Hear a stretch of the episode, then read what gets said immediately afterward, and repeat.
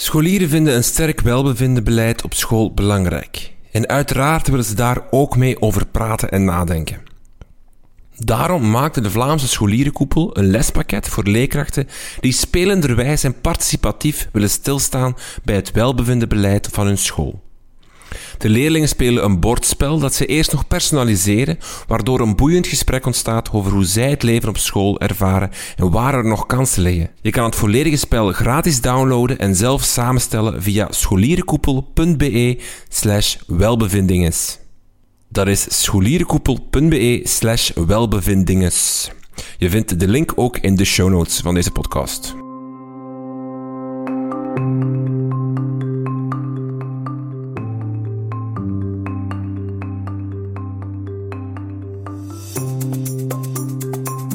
Hallo en welkom bij Buiten de Krijtlijnen. Mijn naam is Rinke van Hoek en dit is uw podcast over onderwijs.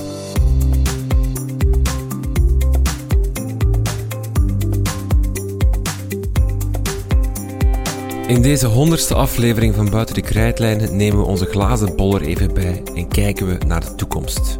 Hoe ziet de toekomst van het onderwijs eruit op vlak van ICT en digitalisering? Zullen robots lesgeven en leerlingen thuis volgen via een ingebouwd scherm in hun bed? Of zitten we toch nog gewoon aan die oude lessenaar te kijken naar een leerkracht met een krijtje aan het bord? Onze waarzeggers van dienst komen uit verschillende hoeken.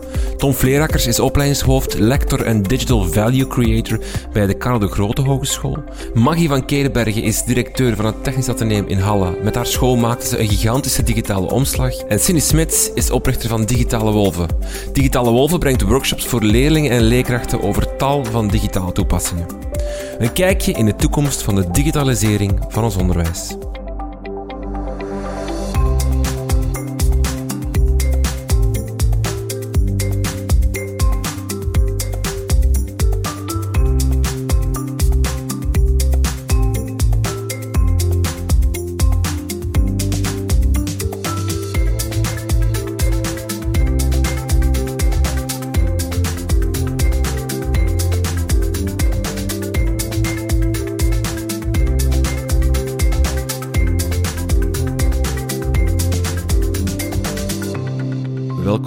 Dames en heren, ehm, aan deze tafel. Ehm, we gaan tien jaar in de toekomst kijken. We gaan even voor een waarzegger spelen. En dat op vlak van, van ICT en van digitalisering in onderwijs. Mijn eerste vraag is, stel we zijn tien jaar verder. Welk concreet ding op vlak van ICT denken jullie dat er anders zal zijn? Je mag één ding kiezen. Tom, open jij de, dit button. Daar vrees ik al voor. Ehm, concreet is dat heel moeilijk om te zeggen. Als je mij vraagt tien jaar in de tijd, Ja. dan zou ik durven denken dat, dat de schoolcontext er gewoon anders uitziet. De Ja. gevolgen van wat wij aan het doen zijn met digitale eh, technologie. Ja? De vraag is, bestaat er nog een klaslokaal? Gaan we dat nog zien, een klaslokaal?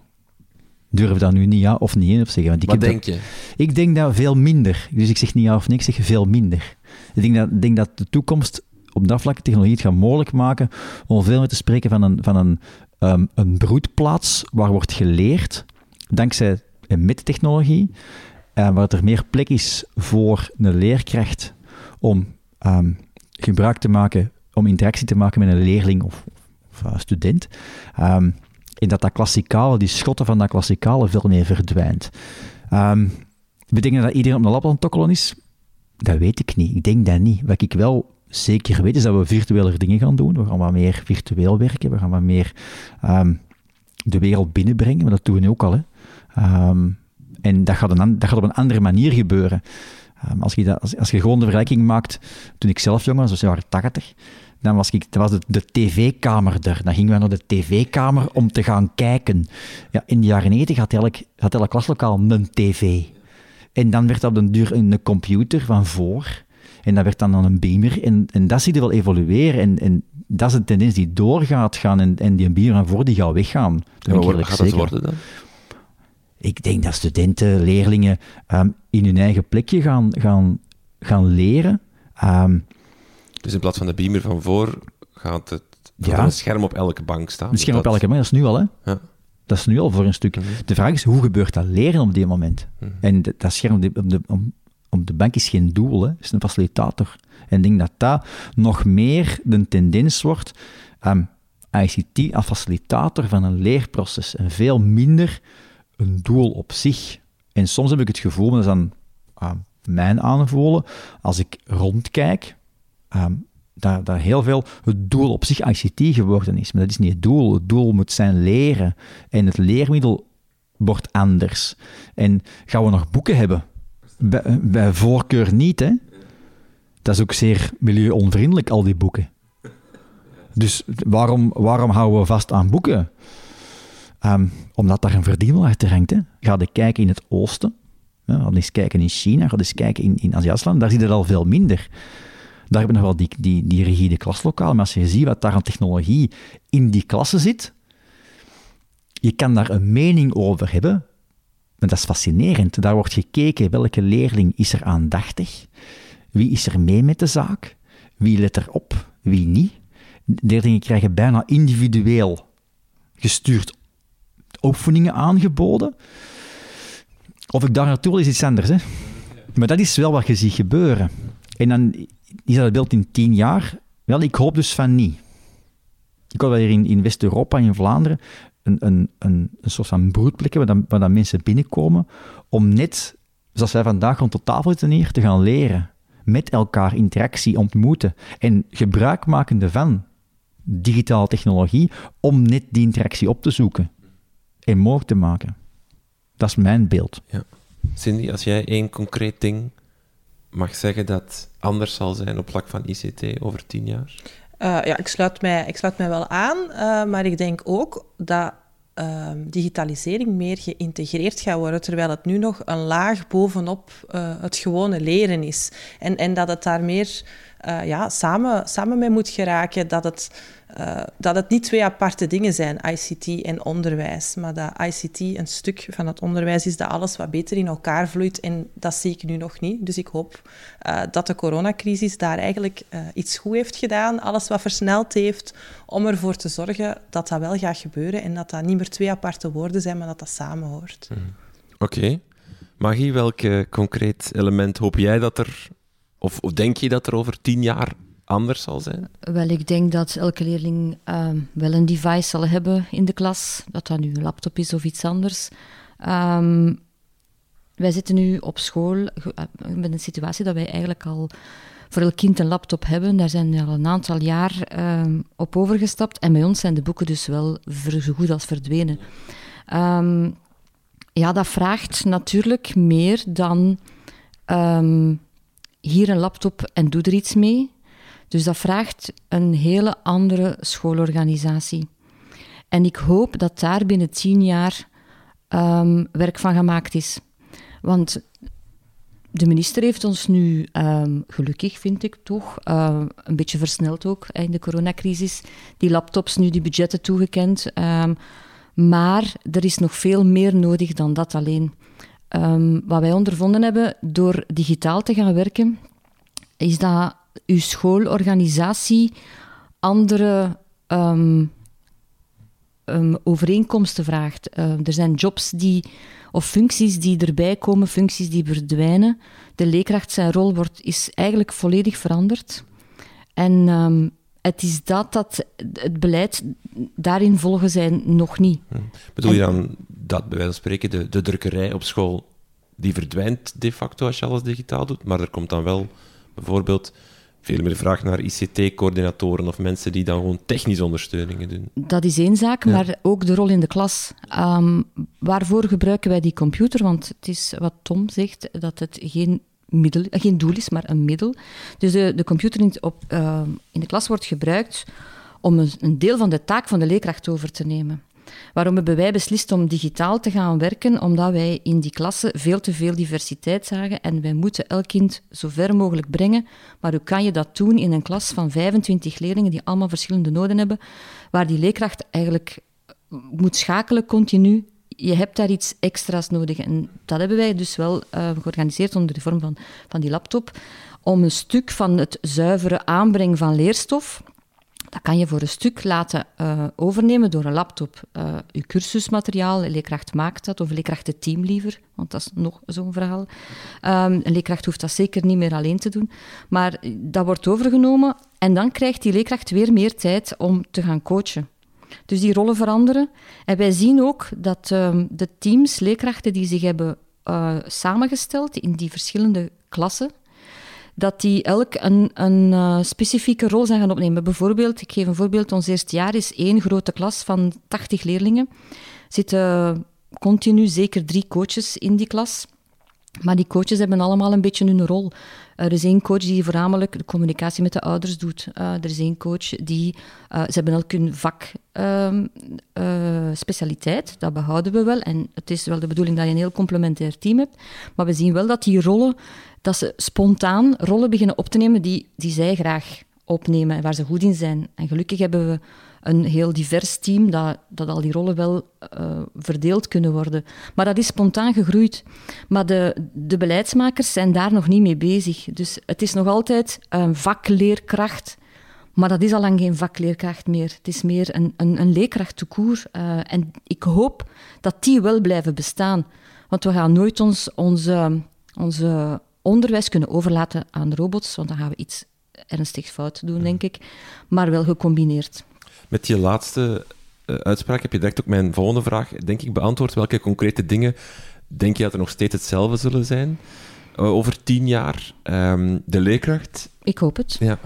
ja. En je hoopt het, hoor ik daar dan toch ook een vrees in dat daar toch ook op, op aan geknippeld zal worden? Nee, niet direct. Maar het belang ervan moet wel uh, duidelijk ja. blijven.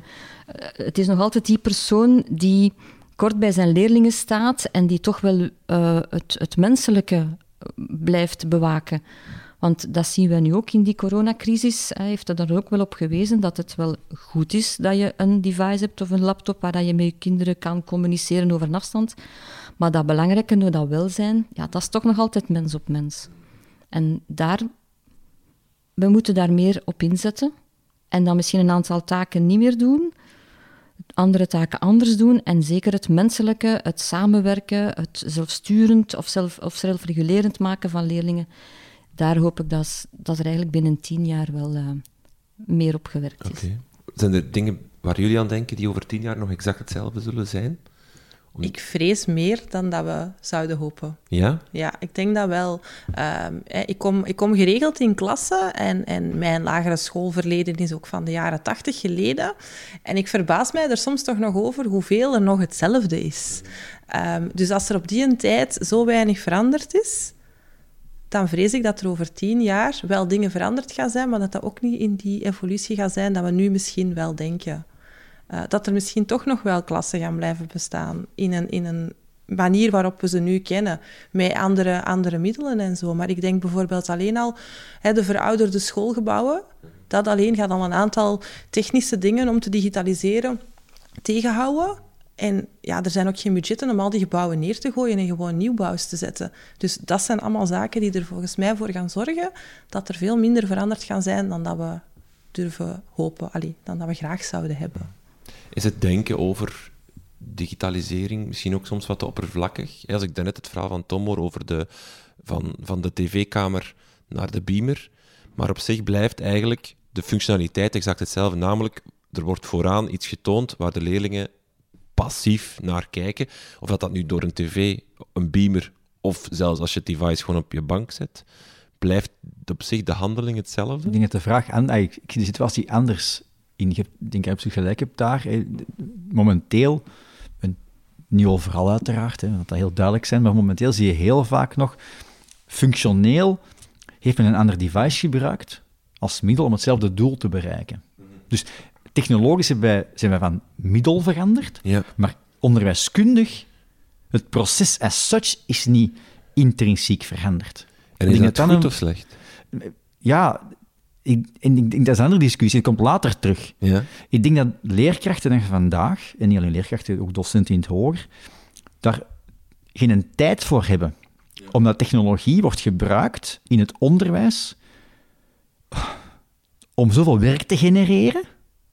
En wat mij betreft de leerkracht de deprofessionaliseren. minder professional te maken dan eigenlijk meer professional te maken. Technologie, binnen tien jaar, zou terug van de leerkracht een professional moeten maken. Zijn leerproces, waar hij heer en meester van is, en technologie helpt hem om dat goed te doen. Wat zien wij nu gebeuren? En dat komt straks nog aan bod, dat weet ik. Wij hebben, hebben zwaar geïnvesteerd in leerplatformen. Dat is een discussie goed voeren. Is Smart School een leerplatform of een communicatieplatform? Ik vind dat we die vraag moeten durven stellen, maar dat geldt niet voor Smart School. Hè? Dat geldt ook voor de andere platformen die wij gebruiken in het onderwijs. Wat is dat? Jij zegt eigenlijk van die platformen worden de leerkrachten opgedrongen omdat men de school begint ermee te werken. En eigenlijk heeft de leerkracht daar misschien niet per se om dat gevraagd. Of staat de leerkracht niet al aan het stuur? Dat wordt verkocht als een leerplatform. Maar dat is geen leerplatform. Dat is een platform om te communiceren op een andere manier. Dus dat is al, vind ik al heel belangrijk om dat eens scherp te hebben. Smart School is geen leerplatform. Wat is dan wel een leerplatform? Een leerplatform laat toe voor een lerende om zichzelf in staat te stellen om, wat u uh, omschrijft, te zeggen, kijk, ik kan leren, ik kan kennis opdoen, ik kan iets inoefenen, ik kan dat beter weten. En dat is, dat is, dat is, daarover gaat het. En dat betekent dat leerkrachten tijd moeten steken in um, het ontwikkelen van leermateriaal dat digitaal wordt aangeboden met adaptieve leerpalen. De leerling die zelf zijn niveau bepaalt, kan niet werken.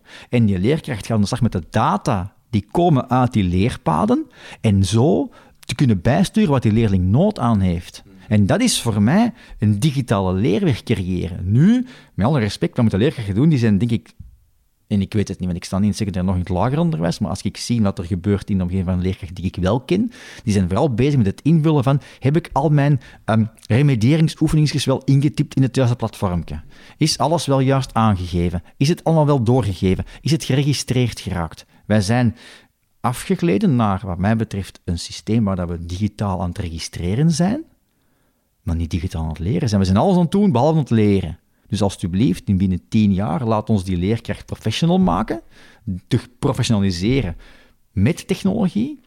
En technologie niet opleggen als een dwangbuis, die moet militair gevolgd worden, want hoe... Dat, dat is, en dan treed ik u bij van, wat gaat er hetzelfde zijn? Ik vrees ervoor, maar ik hoop het niet. Ja, Ik hoop het echt waar niet. Er is technologie voorhanden, er zijn platformen voorhanden die dat echt toestaan. Oké, daar komen we straks inderdaad nog op. Uh, misschien even, um, van welke ontwikkelingen op dat edtech-gebied worden jullie enthousiast als je daar nu, uh, misschien die er nu al zijn of nog groeiende zijn, of waar je van denkt die gaan er komen? Um, welke concrete dingen worden jullie enthousiast van als je denkt van ja, als dat er ooit komt en het kan een, een, een app of een programma of een idee zijn, waar worden jullie enthousiast van? Ik heb heel veel dingen waar ik enthousiast kan van worden. Um, een van de zaken waar wij als school, en niet alleen wij, maar heel veel scholen, um, naar hunkeren, is een degelijk registratie-evaluatiesysteem. Wat uh, Tom daar straks zegt van Smart School, inderdaad, Smart School, dat werkt niet meer. Dat heeft misschien goed gewerkt een tijdje, maar wij, zijn daar, wij kunnen daar eigenlijk niet meer um, onze school mee organiseren. Als je overstapt naar een ander soort onderwijs, en dus dat je gebruik maakt van die digitalisering, maar dat je ook in die modernisering, waar we nu volop in zitten, echt wel gaat uh, um, leerstof aanbieden vanuit één groot idee van matrix van eindtermen en doelen. En daar ook alle hokjes, want dat is misschien ook iets heel belangrijk, alle hokjes in onderwijs moeten weg. Een lesuur, een vak, een plaats, um, al wat hokje is, een week, al wat hokje is, werkt niet meer. Als we het elektronische goed willen laten functioneren. Want dat blokkeert, elk muurtje in een school blokkeert uw werking. Een letterlijk of een figuurlijk muurtje, hoe dat je het ja. ook ziet. Dus als wij willen... Kan je dat concreet maken, waarom dat, dat zo is? Omdat, um, als we de matrix bekijken van eindtermen en wij willen die um, terug gaan gieten in vakken, dan gaan wij daarop vastlopen, omdat dat de idee van die modernisering eigenlijk teniet doet. Dus die modernisering is eigenlijk gemaakt om de kinderen een uh, beter algemeen opgeleid, uh, beter algemeen op te leiden. En dat we moeten kunnen verbanden leggen tussen vakken en tussen gebieden en tussen hun specifieke opleiding en hun algemene opleiding. En dat daar wat, wat, wat, wat binding is, zodanig dat ze veel beter voorbereid zijn op de maatschappij van morgen. Als wij morgen ergens moeten werken, moeten wij flexibel zijn. Wij werken heel vaak met bedrijven in een beroepstechnische school, is dat zo. Ehm, die vragen ons zelden tot nooit uh, hoeveel die persoon heeft gehaald voor bepaalde vakken. Nee, die vraagt, is dat een flexibel persoon? Is dat een leergierig persoon? Is dat iemand die kan leiding geven? Al die soft skills. En die zijn heel erg belangrijk geworden, maar dat zit niet in een vak. Dat zit eigenlijk over alle vakken heen. En dan, als je dat wilt, we vinden dat belangrijk om dat aan onze leerlingen mee te geven, maar dan moeten die schotten daartussen weg, dat je je kan bezighouden met het geheel. Je kan niet meer opleiden in die hokjes. Je moet het geheel bekijken en, en het geheel aanbieden. En als je dus in die hokjes blijft denken, dan gaat, dan gaat, dat, gaat dat niet werken. En digitalisering, ja, werkt dat ook een beetje in de hand. Uh, dankzij die digitalisering kunnen wij in teams werken. Letterlijk en figuurlijk werken wij in teams van Microsoft. Nu, dat is nu een ander verhaal. Maar um, omdat het ook wel um, daarvoor dient. Hè, en je kan mensen samenbrengen. En het eigenaardige is, um, wij zijn daar zes jaar geleden mee begonnen. Um, dat wij ondervinden dat door dat te doen, dat, de, u, dat er allerlei zaken volgen. Bijvoorbeeld, um, mensen gaan in team werken, maar mensen... Mijn grote droom is eigenlijk om zelfsturende teams te hebben op school. Ik zeg altijd, dan kan ik thuis blijven. Ja. Dan moet ik niks meer doen. En dat is heel ideaal. Ideaal. um, maar dat is natuurlijk uh, niet, niet, niet realistisch. Maar het werkt wel zo. Als je, als je vakgroepen hebt, vakgroepwerking is belangrijk. Uh, horizontale, mee bedoel ik dus binnen eenzelfde leerjaar, over verschillende leerjaren. Al die soorten werkgroepen, die zijn superbelangrijk geworden, en nog meer dan vroeger, omdat dat het geheel bewaakt. En ook die transversale doelen waar we nu mee, mee, mee zitten, allee, dat is een hele goede zaak. Ik ben daar voorstander van. Ik ben ook voorstander van de modernisering. Um, maar je, als je dat probeert terug in die oude structuren te gieten, dan en dat is daar waar heel veel scholen op blokkeren. Wij zien heel veel scholen panikeren, omdat die dat allemaal bekijken vanuit die, die, hoekjes. Die hoekjes ja. En, en dat gaat niet meer Maar dat leidt ook opnieuw om te gaan kijken, wat u hebt aangehaald.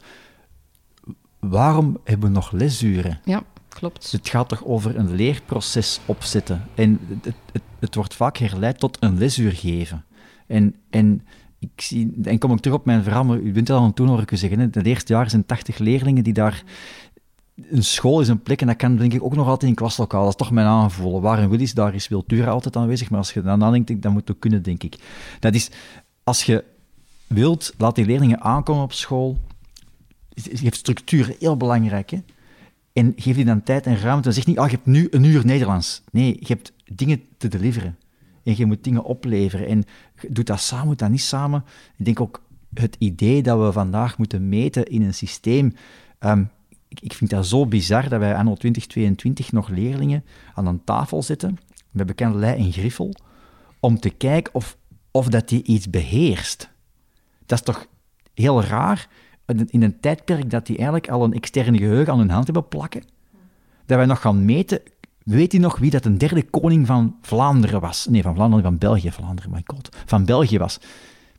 Is dat rele is, hoe relevant is dat nog? En dan weet dat, dat is, een moeilijke discussie, want dat, je hebt dan... Ja, maar kennis, Tom. Kennis. basiskennis. Ja. Ik draai het graag rond. Moet het niet gaan over een kennisbasis waarmee mensen aan de slag gaan, in plaats van al die basiskennis. Zeker als ze aan je hand plakt. En dat je misschien... Het is een idee, hè. En, en ik denk dat daar moet nog gekeken worden. En dat, is, dat kan alleen maar, want dat is een, de podcast gaat, dat kan alleen maar dankzij ICT. Toen dat ik, wij in, in die klas zaten, dan hadden wij dat niet. Dus het, werd, het was niet meer logisch dat ik, dat ik wist dat uh, Albert I zeker, de derde koning van België was.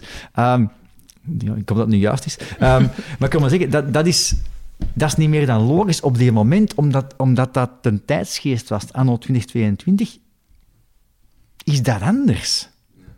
Maar natuurlijk, de vraag is, en ik weet ook, hè, kip en ei, je kunt die leerlingen, die moeten ook die basiskennis, kennisbasis hebben om op te kunnen bouwen. Als hij niks geeft, geeft hij niks, allez, zoek het maar uit, is het ook niet. Maar ja. het, het, is niet zwart-wit en ik vind dat heel raar dat wij anno 2020 en dat rond evaluatie nog heel vaak heel archaïs denken. We gaan die afsluiten van het internet. We gaan die vooral niet laten samenwerken. We gaan die in een, aan een tafel zetten. En nu wordt hij alleen uit uw brein putten. Is dat nog wel een competentie of is dat nog wel hoe dat de wereld werkt anno 2022? Maar als we ze niet laten samenwerken en niet uh, digitaal vaardig maken, dan gaan ze zeker niet meer leren. Um, wij zitten met een generatie kinderen die geboren zijn met digitale devices. Wij kunnen dat, daar, dat we dat nu willen of niet, dat is hun leven. Die zijn daarmee geboren. Eh, een baby ziet een scherm, op twee jaar doet hij al zo. Hè. Dus dat is, dat is allez, dat kunnen we nu niet zien in de podcast, maar dus met swipen, swipen, swipen, swipen met het vingertje, ja. Um, dus uh, dat is niet meer weg te denken.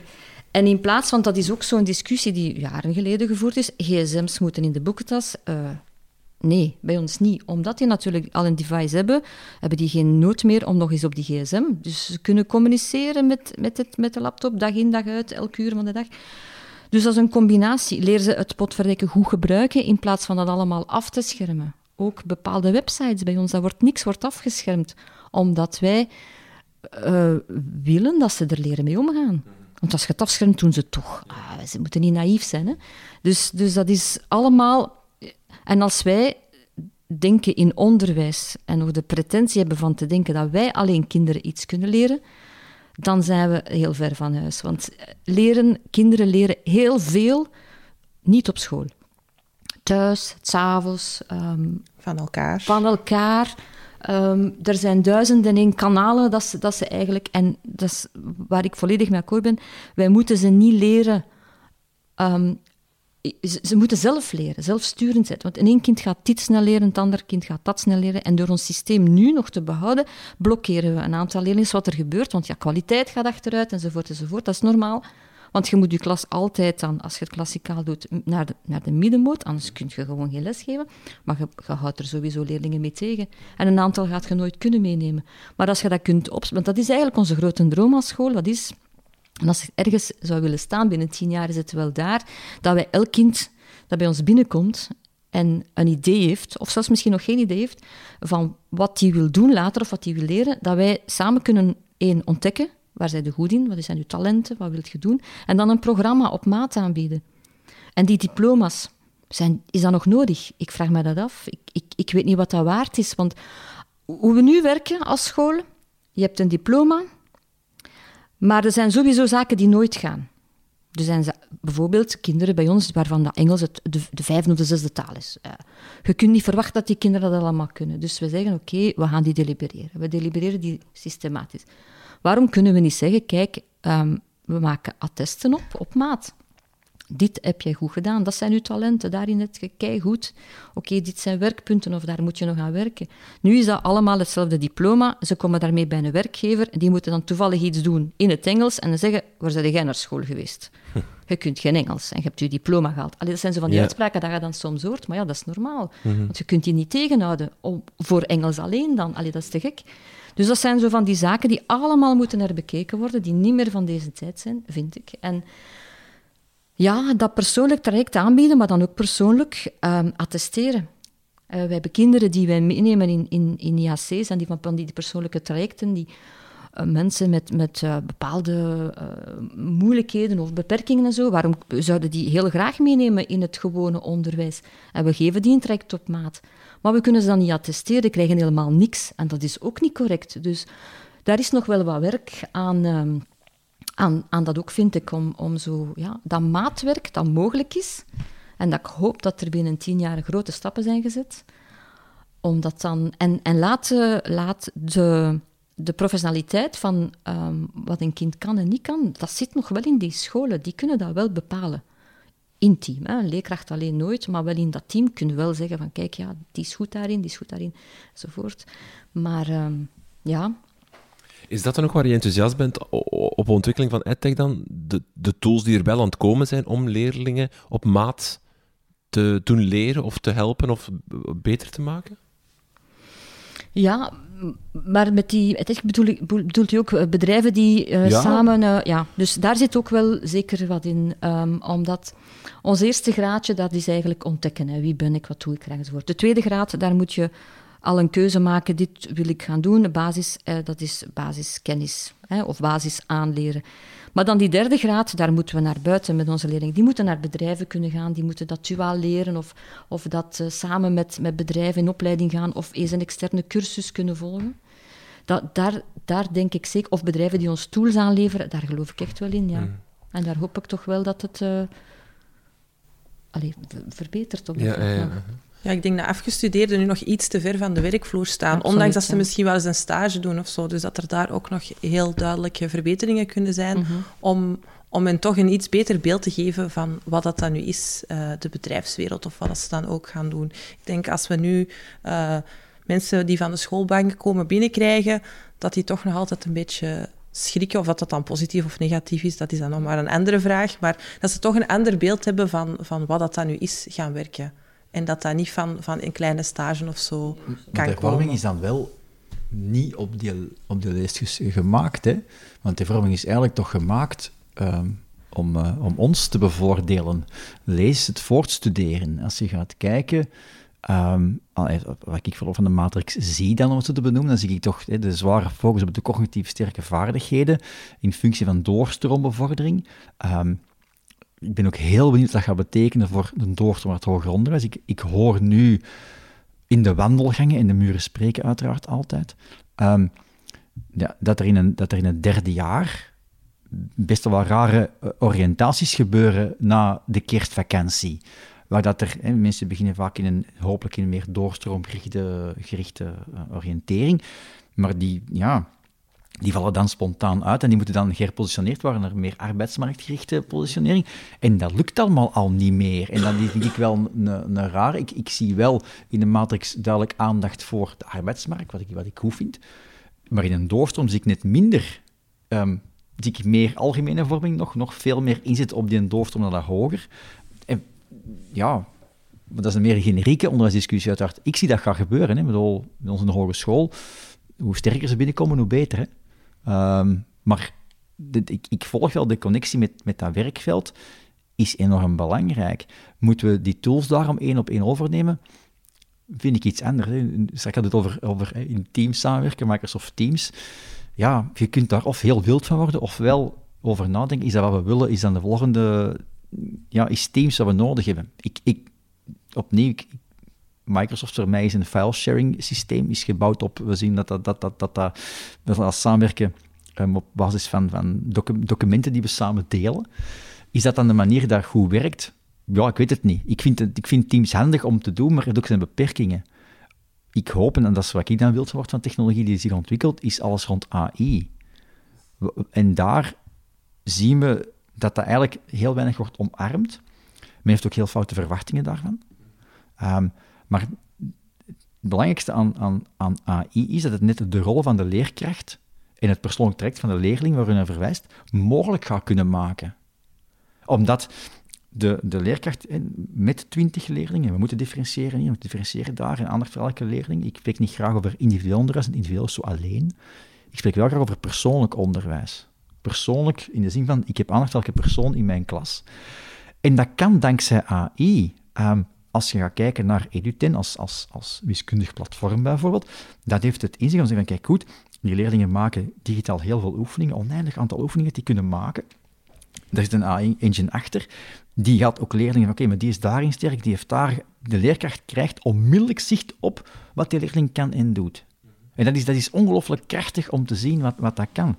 En daar aan de slag, en dan kun je ook zeggen van, oh, die leerling die moet, die moet meer uitgedaagd worden.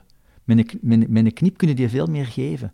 En je kunnen wij echt richten persoonlijk met die leerling gaan bezighouden. En ik denk dat we daar meer en meer op moeten inzetten, maar dat is altijd de kip en het ei. AI is iets dat moet getraind worden. Daar moet de tijd in worden gestoken. Natuurlijk, als een bedrijf dat ontwikkelt, is dat een lege doos. Maar er is niks van data in. Want het, het gemeenschapsonderwijs wou daar heel hard op inzetten met het, eh, het contract van Century Tech, als ik juist ben. Maar ze komen erop terug. En, en als ik me goed herinner, wat Koen Pellerio hier in deze podcast gezegd heeft, was het groot probleem was, er is geen materiaal. Ah, voilà. Dat, dat punt dat ik dus wil maken. Er is geen materiaal. Dat is, het, had, denk, en heeft denk ik een heel goed platform. Want wie ben ik om te zeggen dat dat geen goed platform is? Alleen, dat is geen platform gemaakt voor de Vlaamse markt. Lees, die markt, ja, die moet, wij moeten dat gaan vullen. En daar ja, dat vraagt tijd. En dat betekent dat daar uh, middelen naartoe moeten gaan. En dat zijn dan geen, uh, dat zijn wel centen, dat zijn mensenuren. Maar aan de andere kant, kijk rond in Vlaanderen. Ik weet hoeveel scholen we hebben. Het zijn er meer dan duizend. Als we elke leerkracht Frans zijn beste oefening zouden vragen, om die te uploaden in dat systeem met verbetersleutel, dan zou wel heel ver komen. Hè? Mm Maar is jouw ideaal beeld dan dat bij ons spreken in elke les AI kan gebruikt worden om het niveau van leerlingen in te schatten? En Onder andere. Uh, zo, dan ja. Uh, zone van naast ontwikkeling gewijs. En opnieuw, het, is, het, is, het doel is niet AI. Hè. Het doel is de, nee. de, leerkracht professionaliseren. De leerkracht zich laten bezighouden met de mensen, met de leerlingen die de nood hebben om... Dat is, het is geen doel, hè, AI. Het is een middel om een beter beeld te krijgen. En, en ja, we, we hebben... Ik heb samen met, met Dominique van Tiro Eduten gelanceerd in Vlaanderen. Het is heel knap om te zien. In een lagere school, in een zesde leerjaar, waar dat Um, ja, we, lanceren dat daar en, en we zien direct die leerlingen van, mij nieuwsgierig. Een week later, die moeten dan een aantal oefeningen maken. De engine doet zijn werk, die worden gerangschikt. Uh, is, is sterk, is zwak, is een, luiaard en dergelijke. Die leerkracht van, dat is knap, want dat is dan dus letterlijk spot on. Natuurlijk, we hebben dat gelanceerd in midden van dat, van dat jaar. Dus die leerling wist wie dat, dat was. Maar denk er eens over na, dat is op 1 september. Dus op 1 september laat hij direct die oefeningen maken. Dit zijn wetenschappelijke oefeningen, dat zijn oefeningen, het is in het Engels uiteraard, in Finland gebouwd. En hoe is in Finland gegaan? Mijn, mijn idee komt uiteraard vandaar. In Finland hebben ze gewoon iets van, kijk, elke leerkracht daagt bij tot dat platform. Elke leerkracht geeft zijn oefening, de beste oefening die daarvoor aan toe is, steekt dat in dat platform. Dus dat krijgt direct gedragenheid.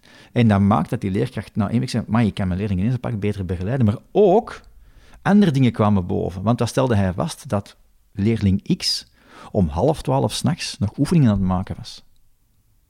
Dat wil je toch niet? Dan kan je ook daarover in gesprek gaan met die leerling. Van, hé hey, vriend, ja, maar zei die, dat was het moment dat voor mij de laptop beschikbaar was. Je krijgt een, een, een beeld dat je anders niet hebt. En we, en dat is de kracht van die technologie. En dus AI is daar een onderdeel van. En AI is niet, dat is een andere reactie die we kregen in een andere school, AI gaat het niet oplossen. Hè? De, er was een school die dacht van, de AI-ingenieur gaat ineens alles doen. Er moet niks meer, de leerkracht moet niks meer doen. Ja, nee, nee, nee, nee. De leerkracht is nu altijd de verantwoordelijke van dat leerproces en gaat spelen met, met die informatie, met die data, data leren lezen en daarmee aan de slag gaan. Dat is een heel andere rol dan vandaag. In hoeverre is uh, onze Vlaamse markt een probleem? Eh, heel veel edtech-tools, heel veel apps of, of, dingen die je kan gebruiken in de klas komen van de Engelstalige markt, zijn ook in het Engels. Uh, als je, zeker als je op jonge leeftijd daarmee welke, is dat een, een, ja, een hindernis waar je over moet of, of dat, niet gemakkelijk is. Um, de vertaling of in het Nederlandse versie dan krijgen is vaak niet mogelijk of je moet er lang op wachten. In hoeverre gaat dat ons uh, tegenhouden of, of beperken? Ik vind dat zelf een hele jammer. En juist omdat wij die digitale workshops geven, zitten wij daar heel vaak vast. Vinden wij hele mooie producten. En mensen zeggen ook, oh, ik ben dat tegengekomen en kijk dat eens na en zo. En daar lopen wij heel vaak op vast. Hè, want dan zit je bijvoorbeeld met een supermooi product om in een eerste, tweede leerjaar te gebruiken in het Engels. Ja, dan stopt het daar ook al wel. Hè. Die kinderen kunnen net lezen. Je kunt niet verwachten dat die dat kunnen. En sommige dingen hè, werken nog een beetje uh, pictogramgewijs en zo. En ja, als er voetjes staan, dan zal er wel iets met lopen of stappen te maken hebben.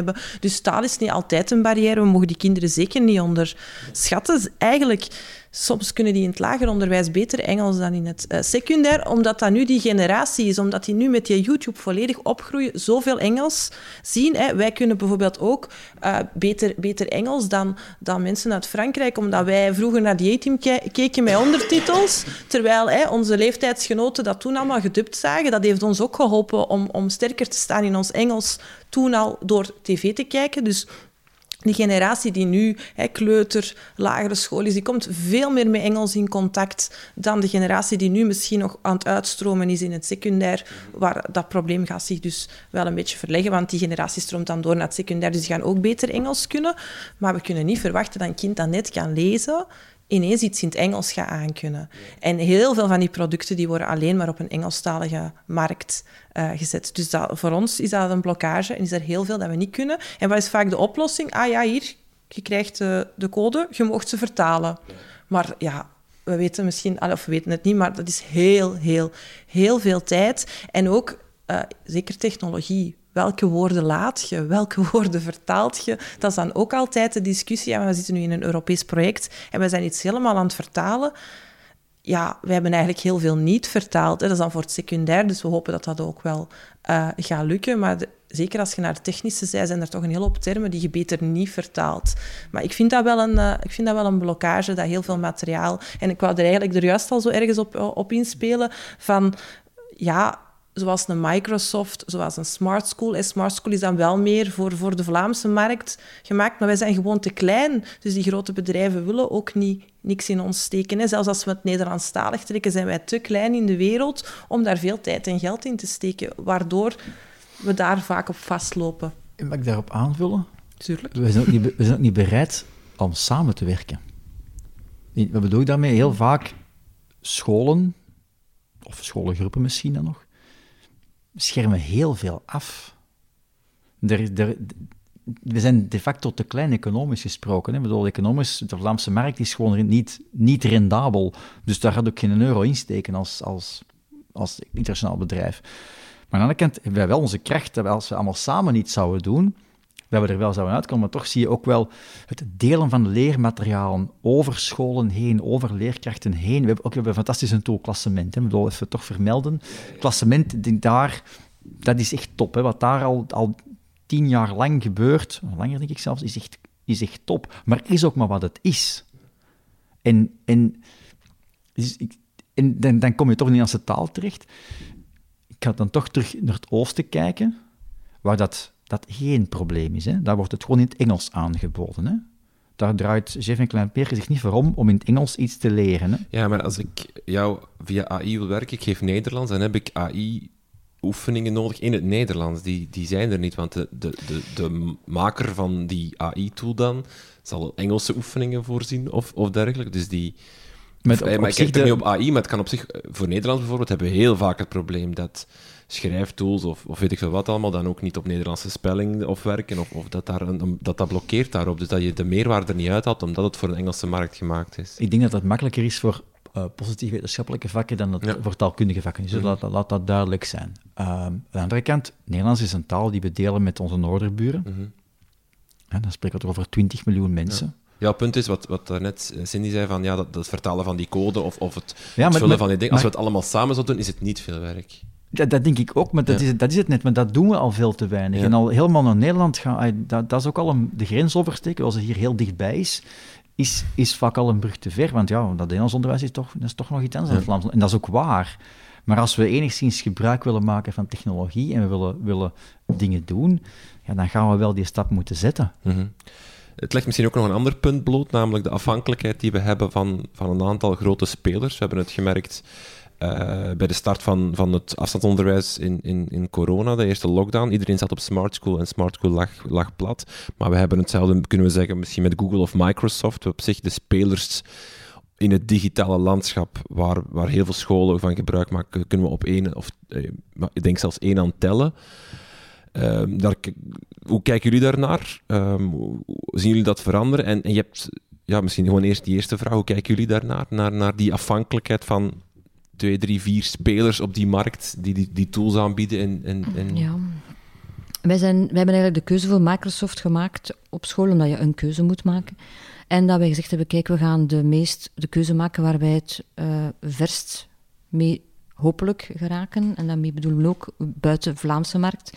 Uh, dus dat is een internationaal product. Uh, bedrijven gebruiken dat heel veel voor hun, in hun interne werking. En laat ons dat dan gewoon meenemen. Dan zijn de kinderen daar ook al mee vertrouwd. En dat maakt dan ook weer al later in het bedrijfsleven, ze kennen dat. Hè. Wij werken met uh, een aantal producten, niet alleen met Teams. Want Teams is, is, is niet alles natuurlijk. Dat is gewoon een platform om te communiceren. Dat is een, een, een gesloten community. Je kan daar heel veel um, werkgroepen in, in oprichten.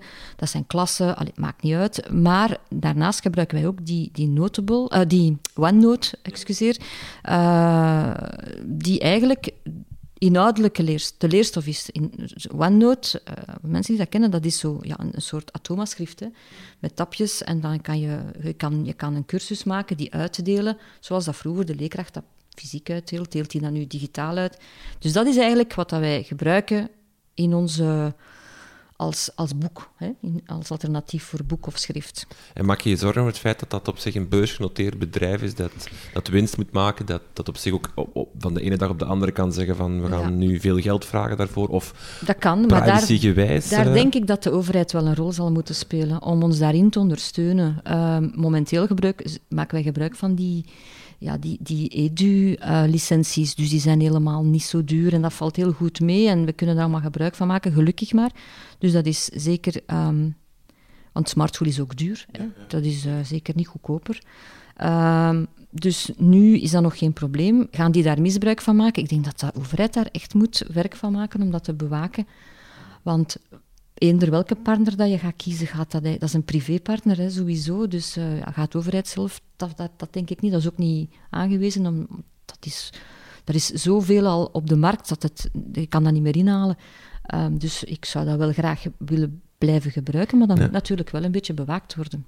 Want je kan een, een, een situatie creëren waarop je hele Vlaamse onderwijs eigenlijk draait op, op een één of twee Amerikaanse spelers. Want ik, maar dat is omdat de, eh, de business eigenlijk ook op diezelfde spelers draait. Hè? Ja, ja, dus, ja. dus dat, dat, is pure marketing ook van, mhm. van, van een Microsoft, van een Google, om dat in, voor Edu gratis of bijna gratis aan te bieden. Want je zorgt al dat die gebruikers gebonden zijn aan je product, waardoor dat die inderdaad... Hè, want ik ben zelf ook uh, opgegroeid met, met Office-producten, dus laat mij nu iets doen in, in, in Google Docs en ik weet alle commando's niet, ik moet daar veel te lang voor zoeken. Dus als ik dat moet betalen om, om Word en zo te kunnen gebruiken, ga ik dat ook doen, omdat ik het daarmee kan. Hè. Dus dat, dat, dat is eigenlijk al ja, van, van kleins af aan erin gestoken. Dat is natuurlijk wat die grote spelers doen. En, en daarom... dat slecht? Vinden we dat... Jammer. Of, overdrijf ik dat gevaar? Of, of... Maar ik denk, ja? we zitten met een monopolie. Ik bedoel... Ja. Daarom kost de Smart School ook zoveel geld. Hè? Smart School die... is, is de facto een monopolie in Vlaanderen. Hè? En, en, en je ziet wat dat betekent. Hè? Toen de coronacrisis losbarstte, Smart School kon het, kon het niet trekken. Een, een, een Smart School Live viel constant plat. En ik, en ik, ik ik heb heel veel respect voor de mensen die het ontwikkeld hebben. Want ik wil, dat, is, dat is, iemand heeft daar de sprong durven wagen. Maar het, wij hebben gewoon, of de mensen achter Smart, hebben gewoon niet de capaciteit om dat bij te benen. En als dan ineens van op, op één dag tijd heel Vlaanderen Smart School Live gaat doen, nou, dan gaat dat ding gewoon plat. Maar ze krijgen wel veel centen, hè? Ja, ja. Maar, dan, maar dan nog...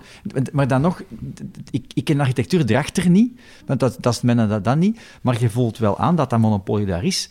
Ook omdat we toestaan, hè? Ja, wel, dat is het probleem een beetje. Omdat we toestaan, hè? het is ook makkelijk, hè? Want we hebben, wat hebben we gedaan? En dat is dan misschien het nu van Smart School. We hebben onze administratie erop gezet, we hebben onze scores erin gestoken, we hebben er alles in gestoken. Dus we hebben ze gedaan, ze hebben eigenlijk een appeltje gedaan, noem ik dat. Ze hebben een Apple-account gecreëerd, dat is dan een Smart School-account gemaakt, en hebben ze alles van het onderwijs ingestoken. Paf, alles samen. En nu eruit geraken is heel moeilijk.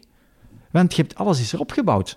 Als school loskomen van Smart School Ah, wel, dat is verdorie heel lastig, lijkt mij. Het kan, hè, want waar is, daar is Wiltura, zeg ik. Hè. Maar daar is, je hebt altijd de ruimte, als je wilt loskomen, dan kan dat. Maar de, opgave die je moet doen om los te komen van Smart School lijkt me heel groot. En opnieuw, wat ik, wat ik mis, is het leerproces. Hè. Bij ons op de, op de hogeschool gebruiken wij Canvas. Canvas vind ik zelf, dat is een, als je het goed gebruikt, is effectief, biedt de mogelijkheid, ik zal zo zeggen, om daar effectief uw leerproces in te ontwikkelen. Adaptieve leerpaden. Leerlingen maken oefening A, slagen ervoor kunnen oefening B gaan maken. Oh, dat niet, die moeten bij. Daar kan je heel veel mee gaan doen. Je kan, daar staat het leerproces centraal in. Niet het communiceren met of een cursus beschikbaar stellen. Nee, dat leerproces dat je ontwikkelt staat daar centraal. En dat is voor mij het digitaal. En als er dan AI achter geplakt kan worden als, als motor, dan hebben we denk ik dan zitten we echt stappen in die leeromgeving. Maar ik vind dat... Ik, in, in, als ik daar nog één van mag maken... We gebruiken... Hè, Microsoft geeft u aan, ik, ik, ik deel dat. Um, je mocht mijn broekzak hier opentrekken. Er, er zit echt niks van Microsoft in. Ik heb daar een ganse aversie van. Ja, ik ben, ik heb, ben een adept van het andere verhaal. Hè. Um, maar dat betekent ook, als we discussies hebben over wat moet een leerling leren, moet hij een Excel leren? Nee, die moet niet Excel leren. Die moet leren een probleem te structureren in een rekenblad en het op te lossen. Als een leerling morgen afkomt in een school met een ander device dan een Office, dus een Google of een Apple Numbers, en die kan die oefening maken dat er wordt gevraagd, dan zou die moeten slagen en moeten zeggen, die competentie. Wat doen wij zeggen? Oh nee, we moeten Excel gebruiken. Dat, dat, maar staan ergens meer dat we Excel moeten gebruiken. Hè?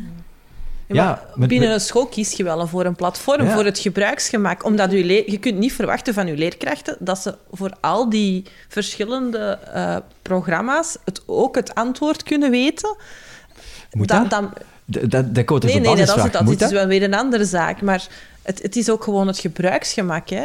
Uh, waar, waarom kiezen scholen vaak om laptops zelf aan te kopen en ieder kind een HP te geven of, of een ander merk en niet te zeggen, neem allemaal maar mee wat je wilt, omdat daar ook wel een heel grote moeilijkheid achter zit. Maar eigenlijk zou dat niet mogen. Ja, dat, ik, ik, dat Waardoor dat kinderen soms twee toestellen hebben. Eén thuis, omdat ze daar alles op kunnen doen, en dan één van school, wat dan ook een belachelijke situatie is. Maar, hè, en, en ja, een luxe situatie. Hè? maar ik snap ook wel dat het als school niet beheersbaar is. Maar daar zouden we dan misschien ook budgetten voor moeten zijn om dat wel beheersbaar te maken voor een school. In het hoger is dat wel zo, bring your own device, dat is onze norm. Hè? Ja, maar op school kan dat niet. Want als je in een klas zit met 25 of 80 leerlingen, die brengen allemaal hun eigen laptop mee. Um, wat wij eigenlijk opgezet hebben, is een, is een systeem van... Ehm, wij werken allemaal in de cloud. We hebben een, uh, een cloud-account voor elke leerling. Dus dat hij aanmeldt op eender welke laptop met zijn account, dan komt hij in zijn omgeving terecht. Dus het is onafhankelijk van die... Als die laptop stuk is, morgen krijgt hij onmiddellijk een reservetoestel als iedereen zijn eigen toestel meebrengt en we moeten die, die virussen daar gaan afhalen en al die zaken, dat is gewoon niet bij. We hebben daar geen mm. mensen voor.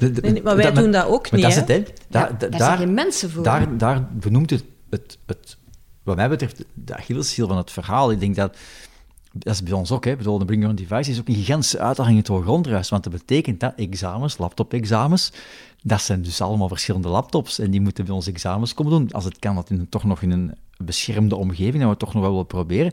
Ja, daar staat wel een Apple naast een HP, naast een Chromebook, naast wat nog allemaal. Die ondersteuning, en daar heeft u terecht een punt, hè, is effectief, dat, zijn, dat vraagt heel veel mensuren. Hè. En ik, ik snap, en dat is ook een logische keuze dat je dan kiest voor. We kiezen uiteraard voor, uh, je stapt in, in het, in het Google-verhaal voor Chromebooks, of je kiest voor HP, of maakt het niet uit. Ik snap dat ook. Maar als je, gaat, als je tot essentie terugbrengt, en dan en ik, durf daar juist ook op voor, voor het secundair en het, lager, maar ik zie dat voor het hoger wel als bedreiging. Waar dat een, een leren op een punt gaat komen, ik ga het gewoon zelf leren. Ik heb u niet meer nodig als hogeschool. Ik heb het zelf verworven. Ik heb u alleen nog nodig voor mijn accreditatie. Om, want ja, dat is, dat voorlopig wat dat wel hogescholen ons uniek maakt. En secundair ook trouwens. Wij, wij, wij zijn gevolmachtigd om u geaccrediteerd een diploma te overhandigen. Dat is onze, dat is onze USP. En dat met fantastische opleidingen. Hè? Maar de, op een punt dat mensen gaan komen, dankzij technologie, om zelf te gaan leren, ja, wat gebeurt er dan? Iemand die in numbers een perfect, kan aantonen dat hij de competentie beheert die ik nodig heb. Maar onderschat je dan niet de, de, de menselijkheid ook die bij leren toch nog bijkomt? De, de vele Apple-scholen, laptop-scholen, uh, die, die alleen maar met de kind voor het computer zijn allemaal gefaald. Of de, de Steve Jobs uh, projecten in Nederland en zo zijn maar allemaal ik, ik gefaald. ik, ik geloof heel erg in ontmoetingen, dus voor mij is persoonlijk contact enorm belangrijk. Maar is dat dan ook niet de USP die een hogeschool of een, een, een school altijd zal houden? Het feit dat er iemand opeens naast jou kan komen staan en kan zeggen, een schouderklop en je zegt goed ja, maar bezig. Er gaat, maar er gaat een markt zijn en dat mogen we niet negeren. En ik zeg het in secundair en het lager is dat denk ik anders. Want als leerplichtonderwijs, daar wil ik over discussiëren, dat anders. Maar in het hoger gaan we wel, gaan we wel goed moeten nadenken over... En dan zie je ook, als je gaat, rondkijkt in het buitenland, dan zie je echt wel die tendens dat er meer ouderen, en dan heb ik het niet over de 18-jarige, maar een 40-jarige, een 50-jarige, zichzelf iets gaat aanleren. Dankzij Ik moet eerlijk toegeven, ik heb gisteren over tuinontwerp opgezocht. ja, maar is dat niet fantastisch? Is dat niet supergoed? Levenslang leren? gevonden dat, dat, dat, die mij nog aantrokken eigenlijk. Dat, dat, is het punt. Maar, wat, maar dat, is, dat, is, dat is wat dat technologie mogelijk maakt. Ja. En die markt, hoe gaan we daarmee omgaan? Maar, maar er, daar is de rol van de school om ook te zeggen welk materiaal goed is. Hè. Maar we moeten ook eerlijk zijn. U kunt heel veel leren, maar daar heb je nog niet het juiste geleerd of is het nog niet waar. Als je gewoon naar YouTube gaat kijken En je wilt je daarmee iets aanleren, omdat het dan een gratis manier is om dat te doen. Je hebt dan ook de betalende, maar zijn de betalende daarom beter? En ik denk dat dat ook wel de rol is van een school, om daar dan aan te ondersteunen welke programma's dat je dan wel volgt, welke um, cursussen dat je dan wel volgt, die een waarde hebben en, en die, die waarheid hebben en die niet gedateerd zijn. En dat je uh, misschien als, als leerling of als student daar niet de juiste keuzes kunt maken. Ja, maar als, gewoon eh, doordingen we dat voorbeeld. Iemand thuis een dertiger, een frisse dertiger, YouTube, houtbewerking. Begint in zijn garage met hout te bewerken, voelt aan van verdorie, interessant. Die moet toch naar een, naar een plek kunnen stappen, waar hij eigenlijk al met die bagage binnen kan komen en kan, kan, moet kunnen zeggen, ik heb dat al gedaan en nu staat het er nu in. En dan, dan zou je leerprocesbegeleider, om het dan zo maar te benoemen. Ah ja, wacht, maar oh, je hebt dat al gedaan, je hebt dat filmpje gezien, ik heb gezien dat je dat al, je brengt dat al binnen en nu loopt je vast. En dan ga ik nu verder werken. Dan komt dat persoonlijke boven. Maar we gaan het idee, oh, jij komt binnen, oh, wacht, nee, nee. Nu ga je daar zitten. En les 1 is Welke type van hout hebben we allemaal? Ik maak het tegen op lessen, hè. Maar... Dat is wel wat de, wat de inspectie al jaren voor, voor, over ons verwacht. Dat wij eigenlijk zo met leerlingen omgaan en kijken waar staat die in het leerproces en brengt die zo ver mogelijk. Hè. Dat is wat wij al jaren moeten doen, maar dat is wat niet meer ging op de manier dat wij, dat, dat, wij, moesten, dat wij moesten werken. Dus daarom hebben wij, hebben wij ook beslist om het anders te gaan doen. Om een soort ja, facilitator te vinden die een stuk van onze opdracht overneemt en die AI-oefeningen daar straks, ik wil even op terugkomen, die gebruiken wij ook in wiskunde. Die, die zijn er, hè, die bestaan. Hè. Bij, bij Khan Academie, geloof ik, is dat programmaatje. Ze maken oefeningen en dat programma merkt, ik kan dat, ik krijg, ik krijg al moeilijkere oefeningen.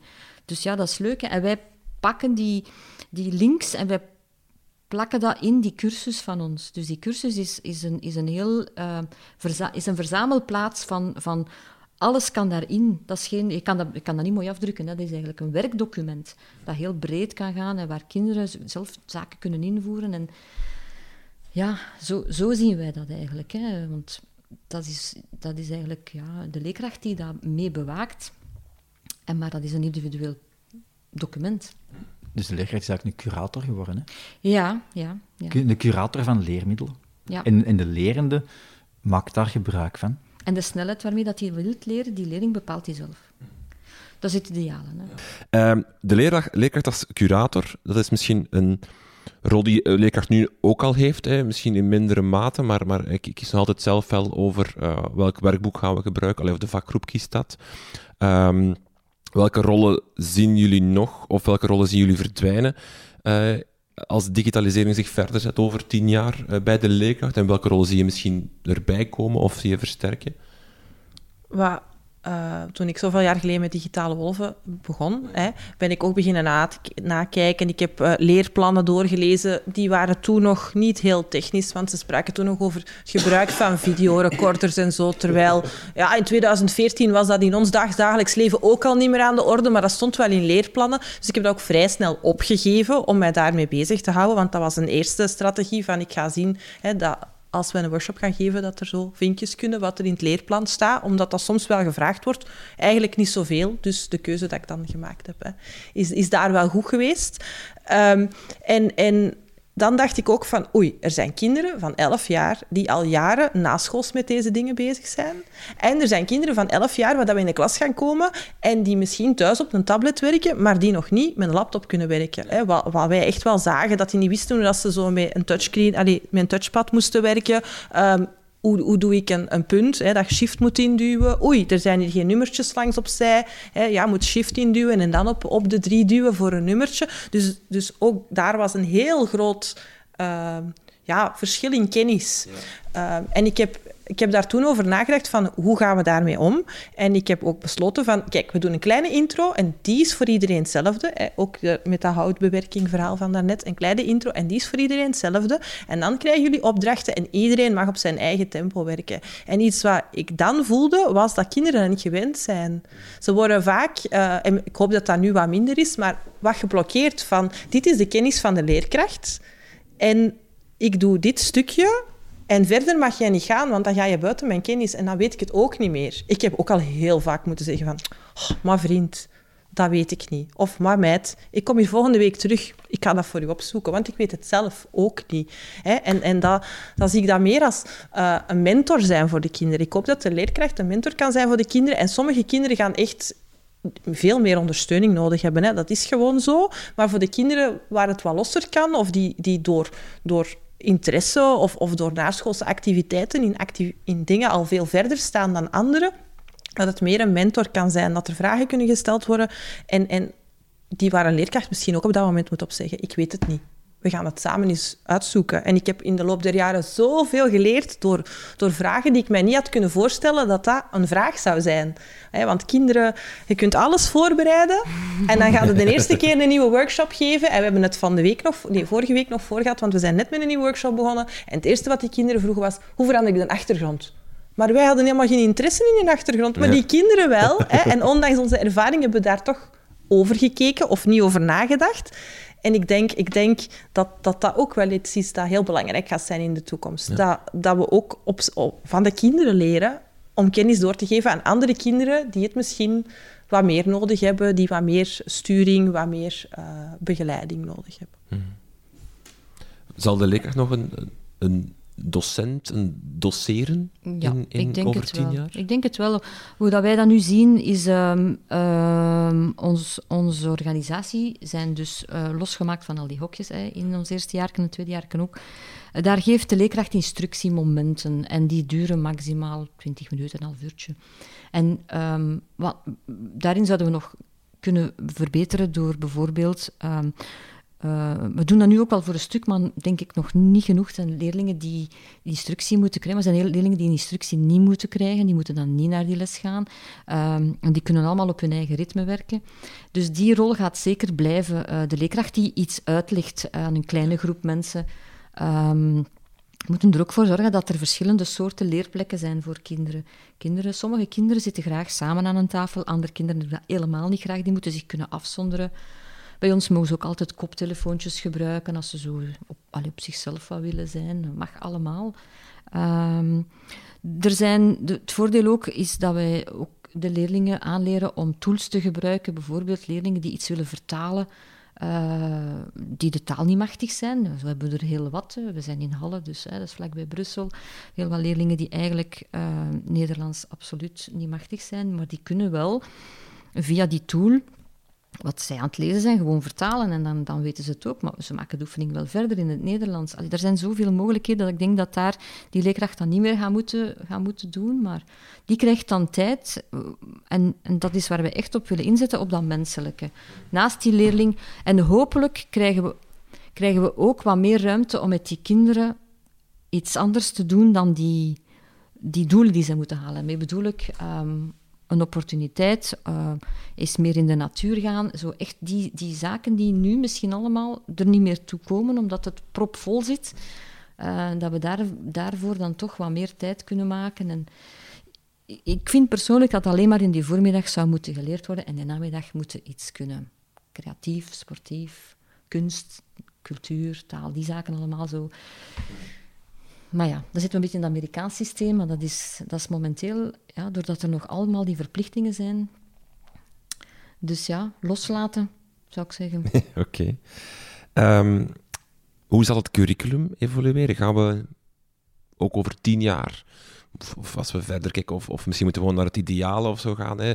Um, je, Magie, je zei net al van die vakjes die moeten weg. Mhm. Eh, maar zal een kind nog Frans, Nederlands, wiskunde, um, wetenschap, al die, die vakken die we nu kennen, eigenlijk nog krijgen? Of gaan we ook gewoon nood krijgen aan, aan andere dingen? Of, of gaan we bepaalde dingen niet meer geven? Ik heb uh, zelf twee jaar lang lesgegeven in een privéschool. Dus ik heb geen diploma voor leerkracht, maar omdat dat een privéschool was, was dat geen probleem. En ik heb daar eh, ICT gegeven aan jongeren uh, met autisme die uitvielen in het normale onderwijs. En een van de redenen waarom dat er toen gekozen is om die privéschool op te richten, is omdat we nu door het curriculum vastzitten. Dus bijvoorbeeld, als ze geen Frans krijgen, kunnen ze geen diploma behalen. Dus daarom zijn ze naar het privéonderwijs uh, op, opgestapt, omdat dat bijvoorbeeld een vak is waar die jongeren op blokkeren.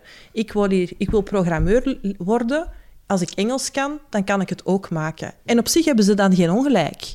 Oké, we zitten in een, in een tweetalig land, dus als ze misschien naar een, een hoofdzetel in Brussel gaan, ja, dan wordt er misschien ook Frans gesproken, maar vanaf het moment dat je een combinatie hebt van een uh, Franstalig publiek en een Nederlandstalig publiek, zal de voertaal Engels zijn.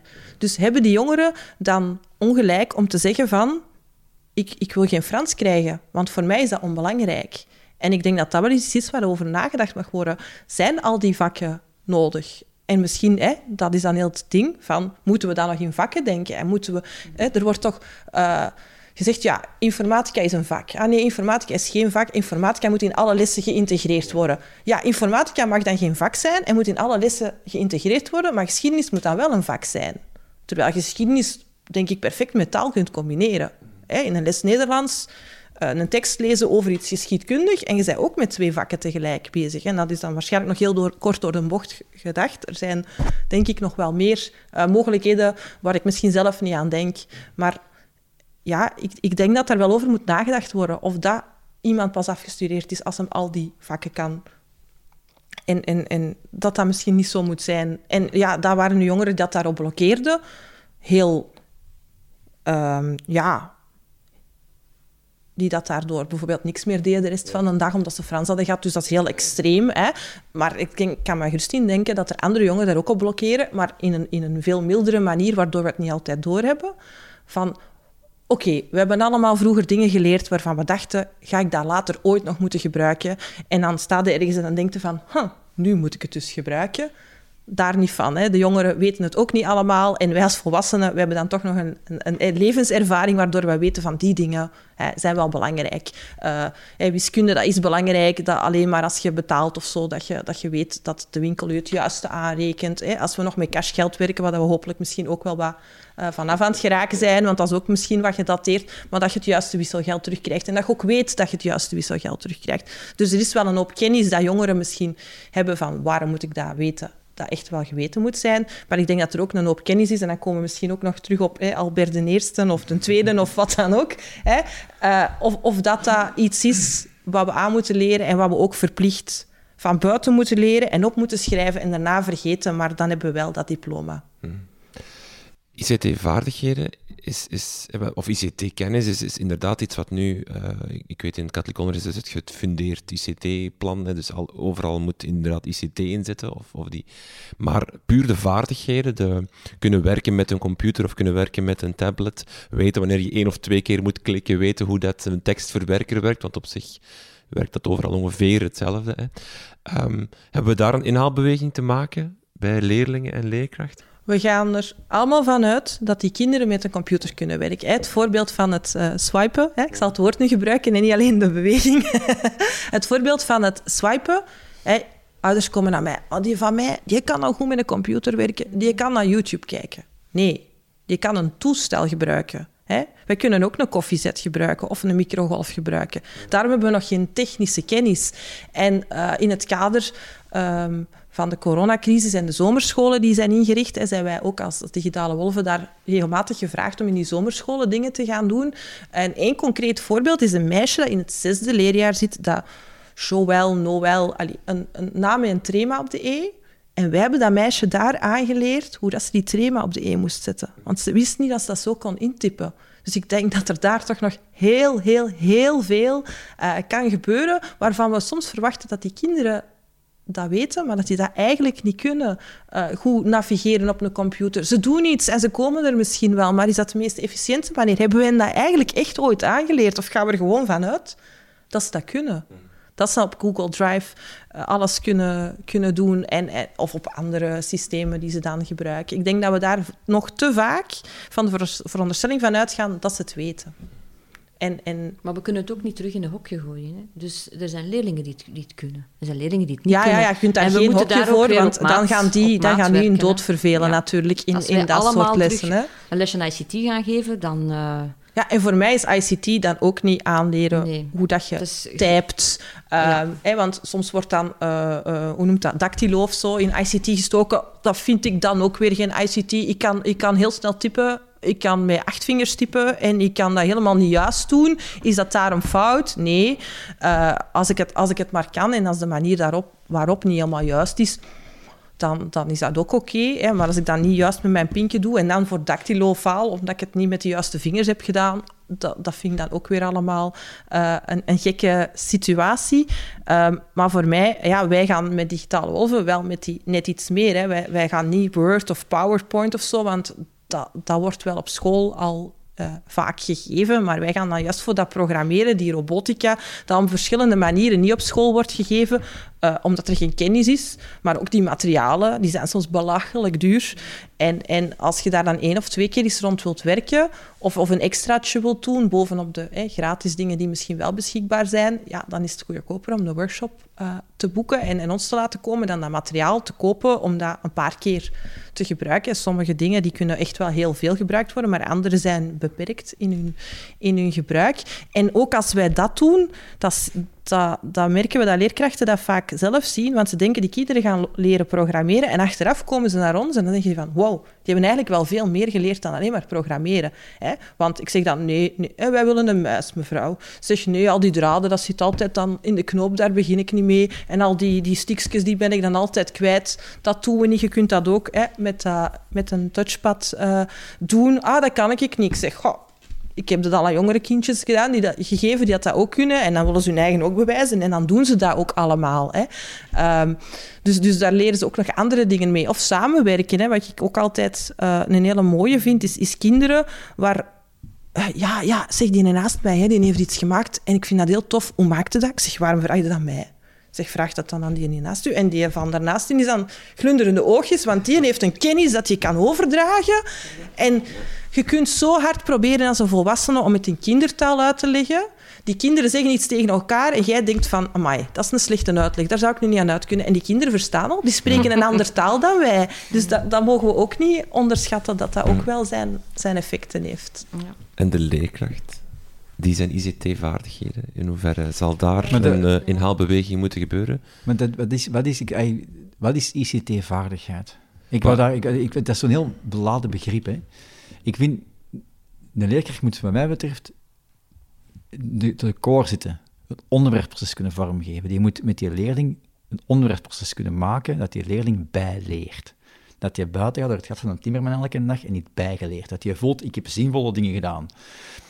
Als de leerkracht ICT niet vaardig is, dan lopen er hoop ik in het team mensen rond die wel ICT vaardig zijn en daarin kunnen doen. Alsjeblieft dat we mensen in hun sterkte zetten en niet manu militari dwingen om iets te doen. Dat, dat, dan krijg je heel bizarre dingen. Hè? Maar, ik heb dat gezien, sorry dat ik even onderbreek, ik heb dat gezien. Wij moeten nu allemaal een laptop gaan gebruiken, want we zijn een laptopschool.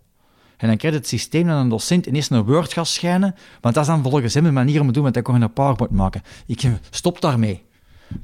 Doe jij je eigen ding. Dat is veel beter. Die leerlingen waren veel contenter daarmee. En het, opnieuw, ICT is geen doel, is een middel. Je hebt vaak wel een context waarin een bepaalde beslissing genomen wordt. Een, een, een school beslist van, kijk, alle leer, we gaan met alle leerlingen een device geven en we gaan de boeken afschaffen. Want ah, dat is anders praktisch niet haalbaar als we zouden kunnen zeggen van elke leerkracht mag kiezen of dat hij dat doet, want dan zit je met een, gewoon een praktische moeilijkheid. Maggie, was het bij jullie gemakkelijk om alle leerkrachten mee te krijgen in dat digitale verhaal. Je beslist alle leerlingen een device, alle leerkrachten een device, geen boeken meer. Kon elke leerkracht mee? Zeker niet. Nee. In het begin hebben wij uh, eigenlijk ingezet op, op uh, leerkrachten om die een jaar op voorhand op te leiden. Wij hebben dat eigenlijk in, in, in de school zelf georganiseerd. Wij hadden een. Uh, we zijn het project begonnen met, met een, een, zestal enthousiaste leerkrachten die dat absoluut wilden doen en springen en we zullen zien waar we, waar we geraken. Dat was een succes en dan natuurlijk moesten we de rest meekrijgen. Maar dan hebben we ingezet op interne opleidingen. Dus wij hebben drie mensen um, die, die daarin dus wel um, beslagen waren, hebben wij eigenlijk gevraagd om interne workshops te geven. En die workshops waren op vrijwillige basis. Uh, leerkrachten konden daar over de middag of een keer om drie uur, drie uur dertig. We wilden ook niet die avonden belasten en zo. Allemaal, dat gaan gingen we allemaal niet doen. En zo hebben we al heel wat, veel, heel wat mensen over, over de vloer gehad die dat eigenlijk wilden leren. Um, er waren, waar, waarom waren sommige mensen um, die uit gewoon interesse en ook voor hun persoonlijk om hun een beetje te, te, versterken wilden dat volgen, maar een aantal voelden het ook wel komen natuurlijk en zeiden van we gaan er op tijd aan beginnen, want het komt eraan. Uh, en daar waren er mensen bij die echt panikeerden, uh, daar zijn traantjes gevloeid. We hebben daar hele uh, moeilijke momenten gehad met de mensen. En dat was niet om... En daar is een hele belangrijke rol weggelegd voor directie. Uh, van de mensen gerust te stellen. Ik heb twee jaar aan een stuk mensen gerustgesteld van als je het niet kunt, dat is niet erg. Wat je kunt is winst. Elk stapje dat je zet is pure winst. En je moet dat niet allemaal perfect kunnen. En je, ik verwacht ook niks en, maar, en dan, dat is heel belangrijk dat je ze geruststelt en dat je ze vanuit een natuurlijke uh, groei kunt laten, laten um, allee, hun, hun, hun, ja, hun kennis vergroten. En dat is gelukt. Wij hebben vakgroepen die, um, die van zeer ver komen, van zeer ver, die, die met moeite een laptop opendeden of een computer, zelfs geen computer hebben thuis enzovoort. We hebben die allemaal meegekregen, allemaal. Ik heb één leerkracht die um, zei van ik ga niet uh, mee in uw digitaal verhaal. En ik wens daar ook niet meer, dat is, dat is het volste recht. Uh, en die hebben we dan uiteindelijk een administratieve functie gegeven. En nu is die verantwoordelijk voor de laptopbalie, dus hij is nu toch uiteindelijk wel mee. mee ge, ge, ja. Maar het is ook op, op, een, op een andere manier, zo zonder die, die kon die druk niet aan. Dat kan, hè. Dus, maar dat is zo belangrijk van mensen op hun gemak te stellen dan. En, en, en daarvoor moet je tijd voor krijgen. En dat is ook iets wat de overheid nu niet gedaan heeft. Je zegt, boef, hier die Materiaal, laptops. maar geen maar geen, geen uh, zachte overgang of geen tijd, tijd genomen om met mensen aan de slag te gaan. En, en dat is ook spijtig. En dat gaan we wel voelen. De komende jaren gaan daar wel ja, daar gaan scholen zijn die daar, die daar heel gemakkelijk en, en, en, en daar, die gaan daar wel geraken. Maar er zijn scholen die, waarvan ik soms uitspraken heb gehoord die zeggen van ja, we gaan dat nu gebruiken en binnen twee jaar of drie jaar moeten we dat niet meer gebruiken en zetten we dat weer weg, die laptop. Kunnen u niet inbeelden. Hè? Allee, dus dat, is, dat is echt wel werk om, om iedereen bewust te maken van gebruik dat alsjeblieft als extra, maar niet... Is dat ook niet omdat de leerkracht heel vaak vindt, maar dan komen we dat jij er straks wel Een leerkracht heeft wel wat, mag je dat schroom noemen, om, om voor een klas te gaan staan met iets dat hij potentieel... zelf geen antwoord op ja, geven. En ik kan ook misschien niet voldoende beheerst. En ik, en ik denk net dat dat... Klopt, dat ja. De leerkracht hoeft niet, en dat is denk ik iets dat we bij de leerkrachten moeten erin steken, het is oké. Okay dat je niet perfect ja, bent. Ja, maar dat is ook heel belangrijk. Dat is echt waar. Dus mensen, je bent maar mens. En dat is ook daarom dat je best in teams werkt. Als je een team verantwoordelijk stelt voor een opdracht, dan ga je er sowieso van uit dat je niet, voor, niet alles kan. En dan zit je ook al wat meer op je gemak als leerkracht. Want je hebt je specialiteit en je collega heeft zijn specialiteit. En als je de krachten bundelt, kun je heel die groep begeleiden. Je staat er nooit alleen voor. En dat maakt ook een groot verschil in je succes dat mensen hun op hun gemak voelen en zeggen, als ik dat niet kan, dan mijn collega zal dat wel opvangen. Maar ze staan daar niet voor een klas, inderdaad, met een rood gezicht van oei, ik kan dat hier niet, ik snap dat hier niet. En ook als directieteam of, of, of beleid het ook zo verkondigen. Hè. En ook zeggen van, kijk, ik kan dat ook niet. Hè. Ik zeg heel vaak op school, mannetjes, ik kan dat niet. Hè. Ja, dat is vaak specialist, zeg mij wat ik moet doen. Dat is ook een mentaliteit die je opbouwt, die zij dat dan ook wel kunnen in hun klas. Je moet zelf het goede voorbeeld geven ook. Dus dat is, ja, dat is een, een mentaliteitswijziging. En die hiërarchische structuur bij ons is ook verdwenen, ga ik niet zeggen, want dat, dat bestaat niet.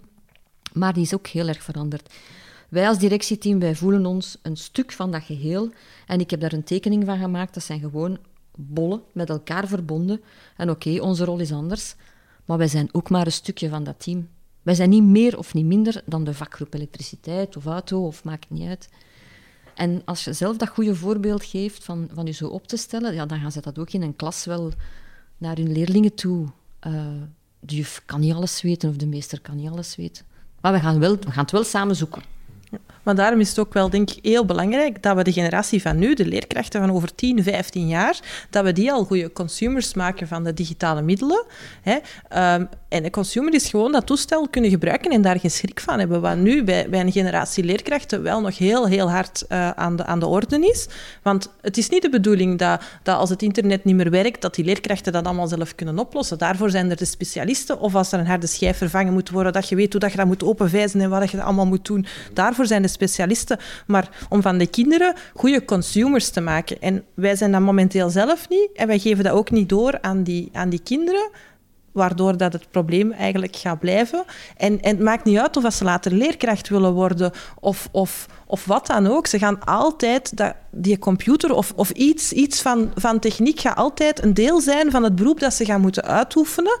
Uh, dus daarom zeg ik dat altijd. Nee, wij willen niet van iedereen een programmeur maken. Nee, wij willen niet van iedereen een computertechnieker maken. Maar wij willen wel daar jongeren uh, mensen die later in de maatschappij gaan zijn, van maken die geen schrik hebben van technologie. Want nu zitten we in een maatschappij waar dat het grootste percentage schrik heeft van technologie. Ofwel zijn er heel wild van, ofwel hebben ze zoiets van, doe jij dat maar, ik blijf daar af. En zo ertussen ja, dan, dan, dan zijn iemand die Facebook gebruikt op uw smartphone of zo. Maar, maar er, is, er is niet zo heel veel tussen. Je bent voorstander of tegenstander. En ik denk dat we in de... de ja, het is misschien niet zo zwart-wit, maar maar we zitten daar bij een heel eh, grote grijze zone. En die grijze zone die moeten we nu zien. Er is dichte generatiekloof. Nee, dat niet. Want er zijn heel jonge mensen, ja, of mensen jonger dan mij, die ook niks met computers hebben. Het, komt, het komt erop neer, de generatiekloof is niet over leeftijd, is niet demografisch. Is over, er zijn heel veel mensen die, die um, het niet willen omarmen omwille van bepaalde redenen. Maar zijn ik meer en meer mensen, en dat is uiteraard hè, 1999 ongeveer, zoiets ongeveer zal het kantelpunt zijn, ja, die komen nu de maatschappij in. En, en dat kunnen we niet negeren. En er zijn er ook jongeren die, die, die absoluut digitaal avers zijn, dat zie ik ook. Maar er zijn, dat percentage is veel kleiner. Als ik in mijn eigen lessen vertel over mijn grootmoeder en mijn, en, en mijn moeder, dat zijn mensen die we digitaal kwijtspelen. Hè? Dat zijn mensen die we, moeten, die, die, die, die we gelost hebben als maatschappij. Denk aan uw bank. Problematisch, hè? En daar staat tegenover dat als je kijkt naar jongeren in de omgeving vandaag, leerlingen lagere school, mijn eigen kinderen, sorry, maar die zijn daarom niet vaardig, hè?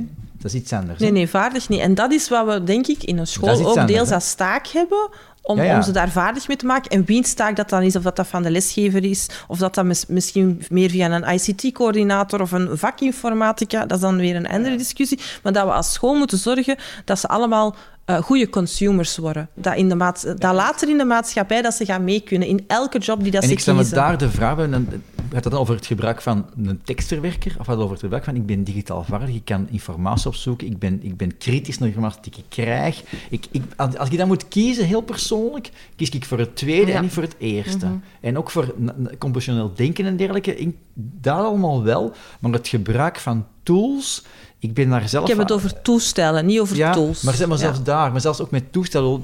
Er staat het woord van, van mensen met een tablet, met Joël, die waarschijnlijk omdat ze met een tablet gewoon kan blijven duwen. En hoe lang hebben wij misschien nog toetsenborden? Ik, misschien, misschien, en ik, ik, ik ben geen futurist ver van, maar als je gewoon kijkt naar de evolutie van technologie, is het becoming voice. Mhm. Moeten wij nog wel leren typen die mannen? I don't know. En dan kun je zeggen, ja, maar bedrijven, bedrijven, bedrijven omarmen dat zeer graag. Als dat frictie wegneemt, gaat dat ook weg. Dus dat, dat is... We zijn begonnen met tien jaar in de toekomst kijken, hè. Tien jaar in de toekomst, misschien hebben we wel geen scherm meer staan. I don't know, hè. En dat is te veel... Een soort van ICT-inzicht of zo. Ik, ik, ik, merk dat, dat, dat, dat... Mij kan je op zich elk computerprogramma voorzetten en op zich ga ik niet dat programma perfect kennen, maar wel ga ik bepaald inzicht hebben in een programma, hoe dat je bijvoorbeeld aan de voorkeur geraakt, of hoe dat je aan de preference... Of hoe dat, dat, je, dat is wat ik heel belangrijk vind. Of, of elk Word-programma werkt op maar zich. Maar dat is aldoende leert men. Hè. Ja. Als we kinderen bij ons op school... Uh, want toen we gestart zijn met ons project, uh, was ik ervan overtuigd... Wij moeten ook de, iedereen denkt, ja, onze A-stroom. Ik zeg, nee, nee, ook de B-stroom. De B-stroom, vooral de B-stroom. Omdat die kinderen... Eigenlijk, we kunnen die niet... Uh, die, die gaan het misschien nog het meest nodig hebben later om, om zeker dat mee te hebben om niet uit de boot te vallen. En ik heb daar heel veel kritiek op gekregen. Ze zeggen, ja, knettergek hè, dat je dat wil doen bij die kinderen. Ze gaan hun laptop verliezen. Dat is allemaal een stukje misschien, maar dat is goed, goed meegevallen. Die kinderen waren zo fier dat zij allemaal hè, dat mee mochten. En het is aldoende, hè, natuurlijk konden die dat niet. Die kunnen niet, die kunnen niet typen, die kunnen niet, maar het is door dat te gebruiken dat ze leren. En je doet iets anders, maar ondertussen leert je dat wel. En ja, je moet wat meer tijd stoppen in het begin, in die, in die opmaken en in, dat, en in dat uitleggen en zo, maar dat hoort erbij. Dat, is, dat zit in het project. Ja. Oké. Dus het is aldoende. Oké, heel veel dank uh, voor deze toekomstreis, uh, voor, voor jullie glazen bol. Um, het was super interessant. Uh, ik, ik hoop dat we, dat we een aantal van jullie dromen op ICT-vlak mogen uitkomen, dat er de veranderingen komen die jullie, waar jullie op hopen. Tom Vleerakkers, Maggie van Kerenberg en Cindy Smits, heel veel dank voor het gesprek. Graag gedaan.